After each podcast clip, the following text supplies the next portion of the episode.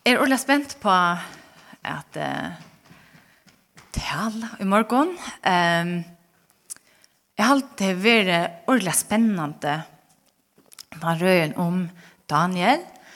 Um, her som uh, Søvn Absalonsen og uh, en Lamhauge, Jakan Zakariasen og Rein Hammer til var langt uh, ja, uh, fortalt negv og, og lyst til denne bortsen um, vel. Og jeg har alltid vært ordentlig, ordentlig spennende og hørst til dem hvordan åkere samfunnet kan skal lykkes til samfunnet som vi er tog. til avbjørnene som kan skal vi til og det vi er det. hvordan lever man hvordan kan man være i heimen, men ikke være av heimen. Og hvordan kanskje Daniel, Daniel kan være okkara eksempel fyrmynd eh, her. Eisen er det her vi hvordan god djøknon Daniels bok viser Daniel to erst en elskave medfer. Og hvordan heter det er en sånn djup sannleik eisen i okkara liv at vi er elsker elskave god først og fremst her her okkara liv til her alt kviler til okkara eisen. At vi er elsker elskave gode. Um, så får jeg at uh, enda hans røyna. Um, tar man leser Daniels bok, så halde det er en sort, man åpner, og så er det sin der, okay, kan man finne det først?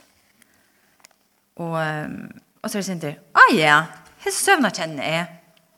Det er det, søvna kjenner jeg, det var Dan Daniel og hvem som kom til til Babylon, og så var det det her vi eh, Nebuchadnezzar, Horstmann 4, Statue, Seta 4, Teknofilm, og så er det eh, eh, da skriften av verden, alt mulig. Ok, søvnene kjenner, kjenner den vel. Og så knapplig at han kapitel 6 så er det, hva er dette for en bok? Hva hendte knapplig? Han hørte, Joe som vi tog till hødd og hodden som stinker upp og är og äter og för alls till vet inte det sånn Hæ? Hette er helt til å være en søve, og så kommer det her. og Kanskje kjenner man også etter, men det er sånn, altså hva er dette for en bok. og det er kanskje som man huxar det minner mest om det er jo den sørste bortsen og i Bibelen, åpenberingsbortsen. Her kjenner man kanskje, hvis man vil lese den bortsen, så kjenner man kanskje sinter av stilen, atter, kanskje maten man malber seg på. Og tog hever man eisen lind til å si at akkurat som åpenberingen ble kallet en apokalypse, så er eisen Daniels bok en apokalypse. Altså en bok som tåser om de sørste togene. Um, så det er en spennende bok. Um, og som, er, som jeg sier, hun er akkurat som bort ut tvei, hvis du tenker ta mynden fram. Uh, kapitel 1 til 6, hese kjente søvner, som man uh, beinveien og sier, ja, hese søvner er kjent. Og fleste bøten er kjenner hese søvnar som er i kapitlen. Um, og så er det fra kapittel 8 til 12 så kommer jeg her imenska sjåner um, her som, her som Daniel, Daniel han fer sjåner fra god. Men så eisen og i søvnar så er det likevel her eisen nek vi visjoner eller sjåner Nebuchadnezzar han har visjoner og Daniel sjálf har eisen sjån og han tøyer sjåner Så hette gonger eisene atter. Så selv om det er sort hepp, hva hendte vi søvende her, så er det eisene en sånn, nesten som en rei traver tjøkken båten, Daniel, Daniel, han er en medver, som god åpenberer syner. Så hette er man en måte å deile eh, Daniels bok oppi til søvende fest, og så kommer sjånene. Men så er det også ordet løye eisene. Eh, til er en løye ved Daniels bok. Eh, Men ta nästa löje till är simpelthen att eh, det er två mål i boken. Först börjar boken av hebraisk Så knappeliga i kapitel 2. Alltså mitt och i ett vers. Det är inte eh, versen komme at han och til akkurat Daniel som sitter og, och delt upp i vers. Men mitt och i vers 4 så så skiftar det ut till arameist, som mer vært det internasjonale målet. Og så kørte det ut etter. Lykke til, og i kapittel 8, og knapplega, hebraisk atter. Eh, det er nok så løye. Hvor veler man å gjøre sånt? Og jeg sier veler, tror jeg at um, også når man skriver etter niger, så hör man ju. Inte bara hur knapplega vad man skriver hebraisk och hebraisk som knappt ja. Ha, nu har vi skriva ett helt kapitel armeisk och ni försökt om det. Det är så vant också man nu görst. Alltså antingen så är det sett samman att man får ett brott här och ett brott här som man bara krossar samman till en bok. Eller så är det också som är en atlan vitta. Att man skriver först hebraisk och så armeisk och så hebraisk. Och man har också alltså teologer har struttes vet här. Och jag någon kvui är det två mål sånt. Og jeg har funnet løsningen. Um, det skal ikke reipa av ordentlig. Men jeg har alltid hvordan det er at at de som har skri skriva bøker i Bibelen, de har haft akkurat som en strategi, eller et endamål ved det som de skriver. Og så kan det man, ha, det er Guds år. Og nu vill jag bara förklara hur jag säger att de har haft ett ändamål. Och det tror jag att jag också inte om Guds år. På samma måte, det är en vanlig sammanbäring, men alla väl, alla jag för det. Hvis du har en melodi, um, om kan skriva tonlägg, här är en melodi, om man huxar, varför jag för det ska spela det här. Det blir så jävla imist. Hvis en cello spelta, som är en blejt utan klang som jag nästan som människoröten. Eller visst en trumpet spelta. Det sort trumferande skarsljo. Det är något helt annat. Eller så visst en saxofon ska spela det som är sin mer blätt, det är sin mer teskande luftigt jo. Så är det samhället i, men tar man väler trompeten så er det ganske at man vil hava et uttrykk som trompeten gjør, som cellon ikke kan gjøre. Og tar man veler cellon så er det at tui at man vil hava et bleita mjuka ganske.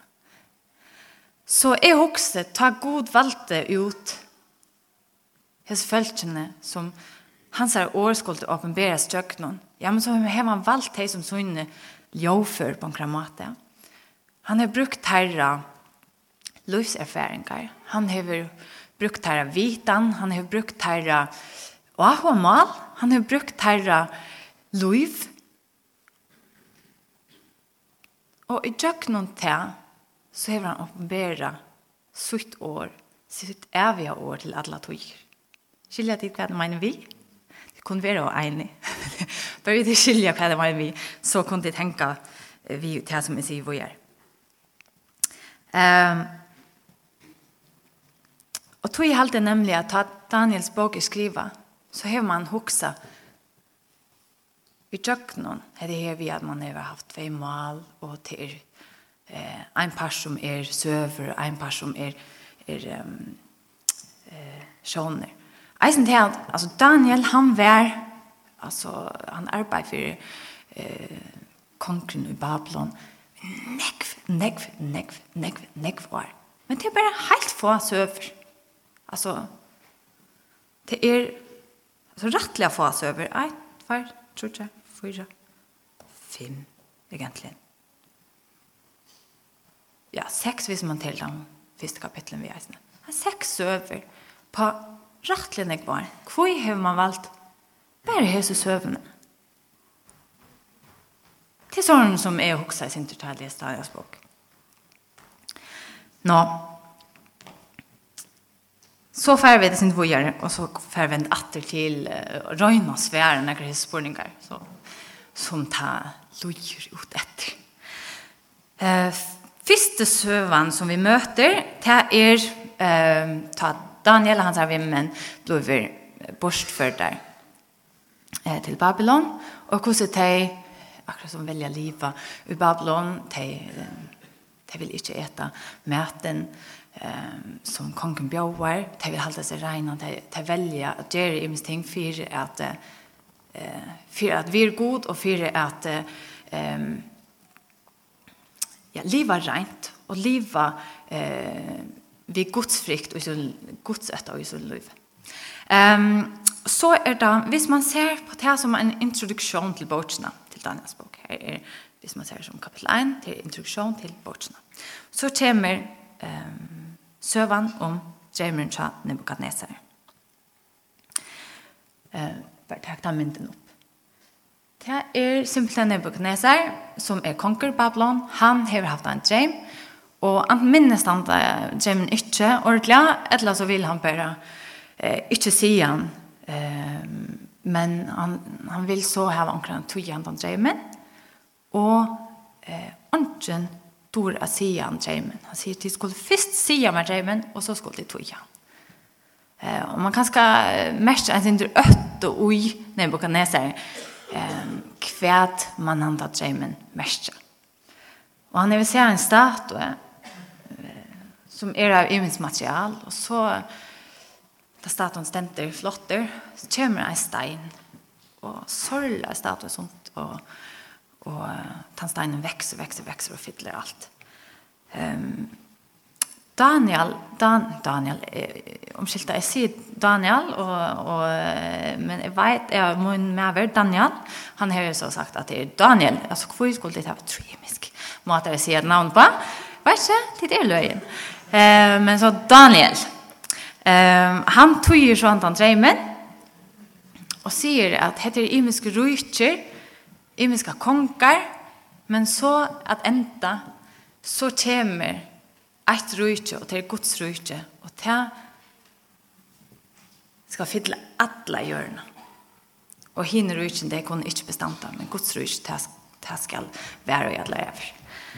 For inne Magneser ordentlig latta, det skal det skal etnas vel som er, han er hødde, god høtte, og skiller at hans er rujtje, det har fyrir bestanda, og det ta ta är faktiskt ta bästa ordliga ordliga goa rike och så vet vi så blir det värre och men han är alltså hötte godl ok få in hans slä vi tillber Daniel sin Daniel att inte konkret och och god kan vi säga god er fantastiskt så glömmer vi det inte Nästa sövan ta här faktiskt när vi kan säga just en stammind eh och i godl Ehm um, kanske sin inspirerad drömmen, vet ikke Eh, og nu er han simpelthen her at öll skulle tilbya han den mynden.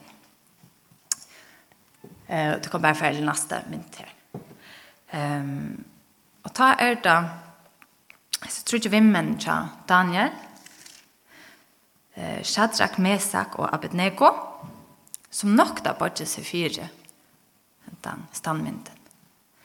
Og de må så betale for det, og, og blir bleka og i eldovneren. Og Åren til, åren til ble bleka og gjør, så sier de, teir. Um, at uh, okkar god, han kan bjerga okkon. Men om han ikke gjør det, så er han allugavel god. Um, men teir blei bjergar, og god viser seg som tann som, som eh, Sjolt Nebuchadnezzar, som er den største konkurren, han hever ikke valde til god som hever valde. Og så blir det her en tydeligere. Ta bare den neste mynd. Ta er det Nebuchadnezzar, som atter hever dreimt. Eh, og Daniel, som atter tøyer hans her dreimer. Men Nebuchadnezzar, han lærer seg redan han av det som Daniel sier. Han skal liva det først. Han skal oppleva det av kroppen. Og det er sympaten Nebuchadnezzar, han mister sitt vit. Han mister sinne menneskelighet, og han lever som et djør. Tant dagen han stent, han stenter hykker ut etter sitt rydde, og sier, det er simpelthen den beste. Så høyrer han rød som sier, alt dette skal tekes fra deg. Og han blir som et jord. Han eter græs, og han han gengra all fyrir beinen og og inntil han dagen han sannar at god er god.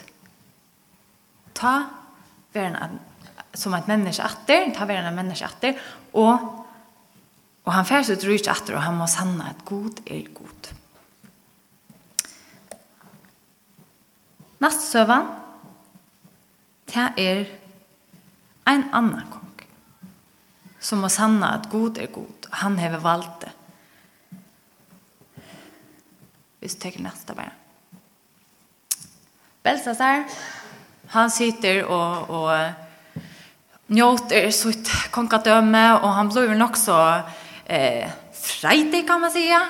Så han får och, och finner fram eh, tingen som tar rant ur templet i Jerusalem og de drekka vun, og de alt mølet ur hese kørne, og de vannvira halvgadomsgods, simpelthen. Og ta hente at en hånd kommer, skriver av verden. Og Anten dora sier hva det er. Stemt seg. Bare atter Daniel. Og oppsummere til er at Røyste vil tidsi fra der. Du er opphevet deg selv, du er en del halvt, du er Du er vin og funnen og latt.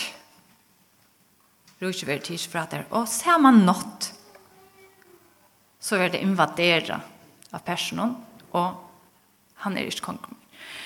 Uh, han må så asanna at, at god er god, men det var for sent.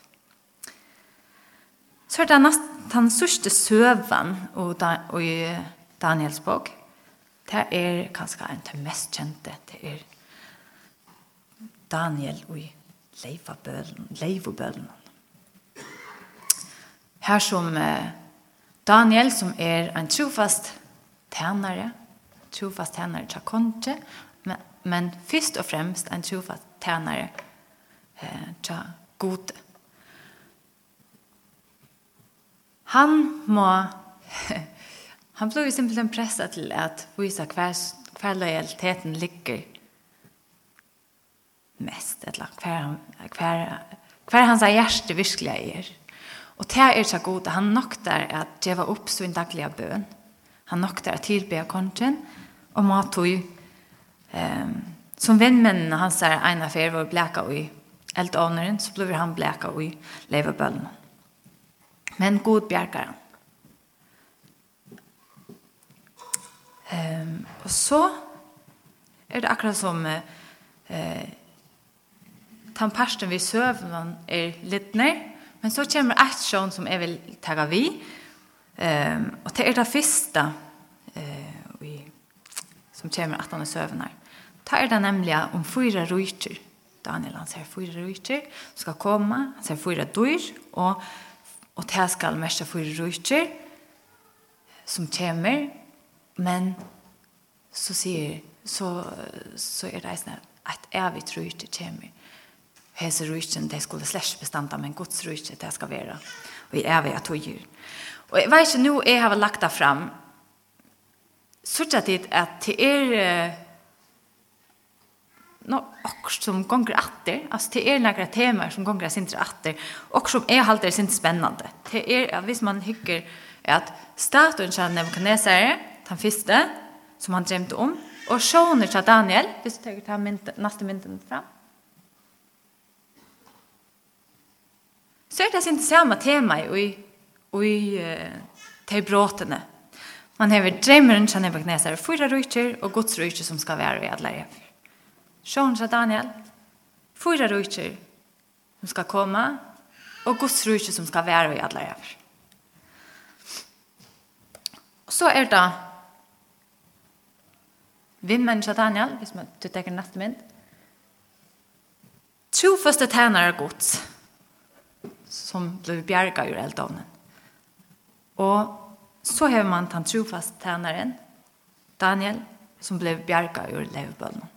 Och så att enda, så har man Nebuchadnezzar, som är stolter, men som må asanna att god är god. God dömer han för hans stoltläkare, men bjergar han. Så är det Belsasar, som stolter, som vann vid god och som blir dømt. Og eh, hvis man hikker etter eh, poesi og eh, i den semitiske kulturen, så er det nekka, vi, ta videre poesi, så er det nekka vi rym å gjøre. Eh, anten bøkstaver, att man börjar vid med bökstäver att bökstäver gänga åter og i rummen eller at man rymmer vi enda rum det er ganska det som vi forbinder mest vi rymma att åren her var sam ändar på samma måte. det er slett så det som man gjør i semitisk poesi. Här brukar man strukturer rättligen ägg eh, en till er att man ser et ting på en måte, och så ändar man det eh, och ser också som lojtest. Ettla man ser akkurat det motsatta. Men först ser man ett och ser man akkurat det motsatta. Och i salmen så finner man negv eh, dömer på det. Och eh, man ser det eisen i litteratur. Och, och det som man kanske kan säga att detta kan minna om det är det som man kallar en kiastisk struktur. Alltså att man, man får poäng fram vid att ta söver som visar det samma tema är og så akkurat som gonger det inn mot, mot et sentrum. Og her er poenget. Ordelig tydelig. Det blir klarere og klarere. Her er det tydelig. Um, så det som er halte, hvis man, hvis man nu sier, hvis man gonger vi på det så kan man si at hese kapitlene, eller hese, ja, heter brått ur Daniels bok, kanskje peker av hvordan god handlar vi i heimen. Hvordan god handlar vi eh, eh, rydgjødømmer og konger og i hese ver. Og hvordan god handlar vi okkon tæner hans her. Jeg halte nemlig at jeg peker frem også, hvis du teker neste mynd. eh, god han allvaldige, god som er eh, eh, the ancient of days. Det er et uttrykk faktisk brukt i Daniels bok, og enda mynten til en konstnär som heter William Blake som har gjort, og det heter The Ancient, the ancient of Days. Um, han som har skapt heimen, akkurat som han hoksa at han skulle være, og som ena for, for at eh, gjøre heimen oppatter. Alt det som vi kjenner til, som er eh, ja, bråte på nekva mater, eh, og er lagt på nekva mater. Ta, ta fer ikke av vera mer, med god han fer at gjøre en nudje gjør og en nudje himmel. Her som vi øde skulle kjenne han og i alle evr. Um, og hese søvnar. De peika av til at god, han hever eisene søvna i sin hånd. Han hever kongarna i sin hånd. Nebuchadnezzar som var den største kongren, han var ordentlig det gode. Nebuchadnezzar som røynta vise sin makt, vi at sige at de som ikke tilbyr meg, de bliva til inte gjørt. Så sier Gud, nei, det er ikke så sterkere. Du, jeg har valgt det. Um, og jeg husker i, ok, i akkurat over, takk for neste mynd, um, så kan man, jeg synes ikke huske, eh, hva skjer? Bare eh, politisk, altså, eh per väl i USA så ja man säger vad man helt vi eller inte vi så man vet inte rista hött någon. Eh och och eh, alltså crutch och flätta folk och kvar är förja vi så talante som tid har varit känt tryggt ganska kristna virer kvar där vi kvar färra tid vid norra nu så säger man att man kan gott ta abort av en tvilling och lära hin leva. Så kvar er heimen av vi, etiskt moralst? Kvar er vi där vi? Hva händer? Og man kan bli av inte uppgiven og också vars kvæt til, til utan kontroll. Men så halt det att Daniels bok, hon säger så tydliga. så tydliga til at det er ein hin eh hvordan det? Ja. The Ancient of Days. Han hever søvna og i syne hånd. Um, hvis vi leser kapittel 6,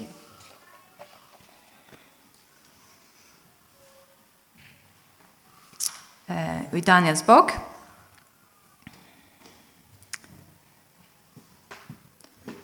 så halte vi skulle lese fra, fra vers 9. Kapitel 6 og vers 9. Men jeg hukte er at hesson, våre stålar setter fram, og ein som gammal vær, settest, klæg hans er våre kvitt som kæve, og hare og høtt hans er vær som regnodl. haset er hans er vær eldstlovar, og kjolene undertøy, våre som brennande elder. Eldstreimer gikk ut fra honom, tusen, tusen tante honom, og 20.000, 20.000 stod i fire honom.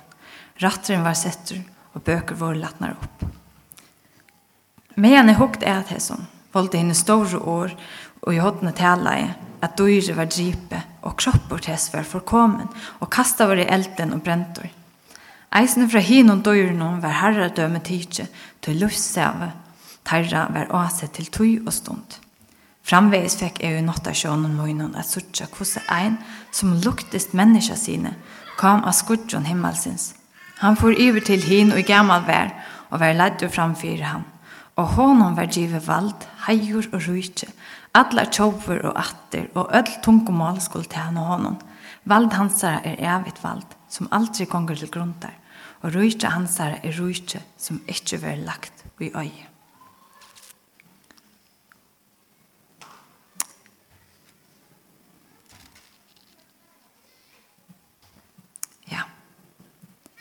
en hin som gammal vær, god okkara.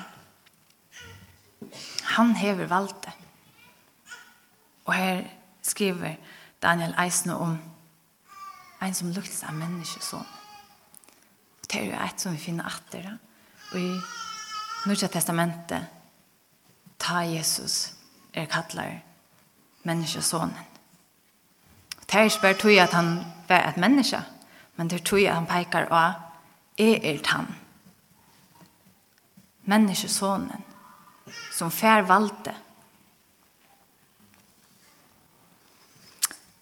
Han som var drivet vald, heier og rujtje, atler tjover, atter og ødel tungemål skulle tjene honom, vald hans er evigt vald, som aldri gonger til grunder, og rujtje hans er rujtje som ikkje var lagt i øye. Det er han goden som vi tjener Det er Jesus som er okkar frelser.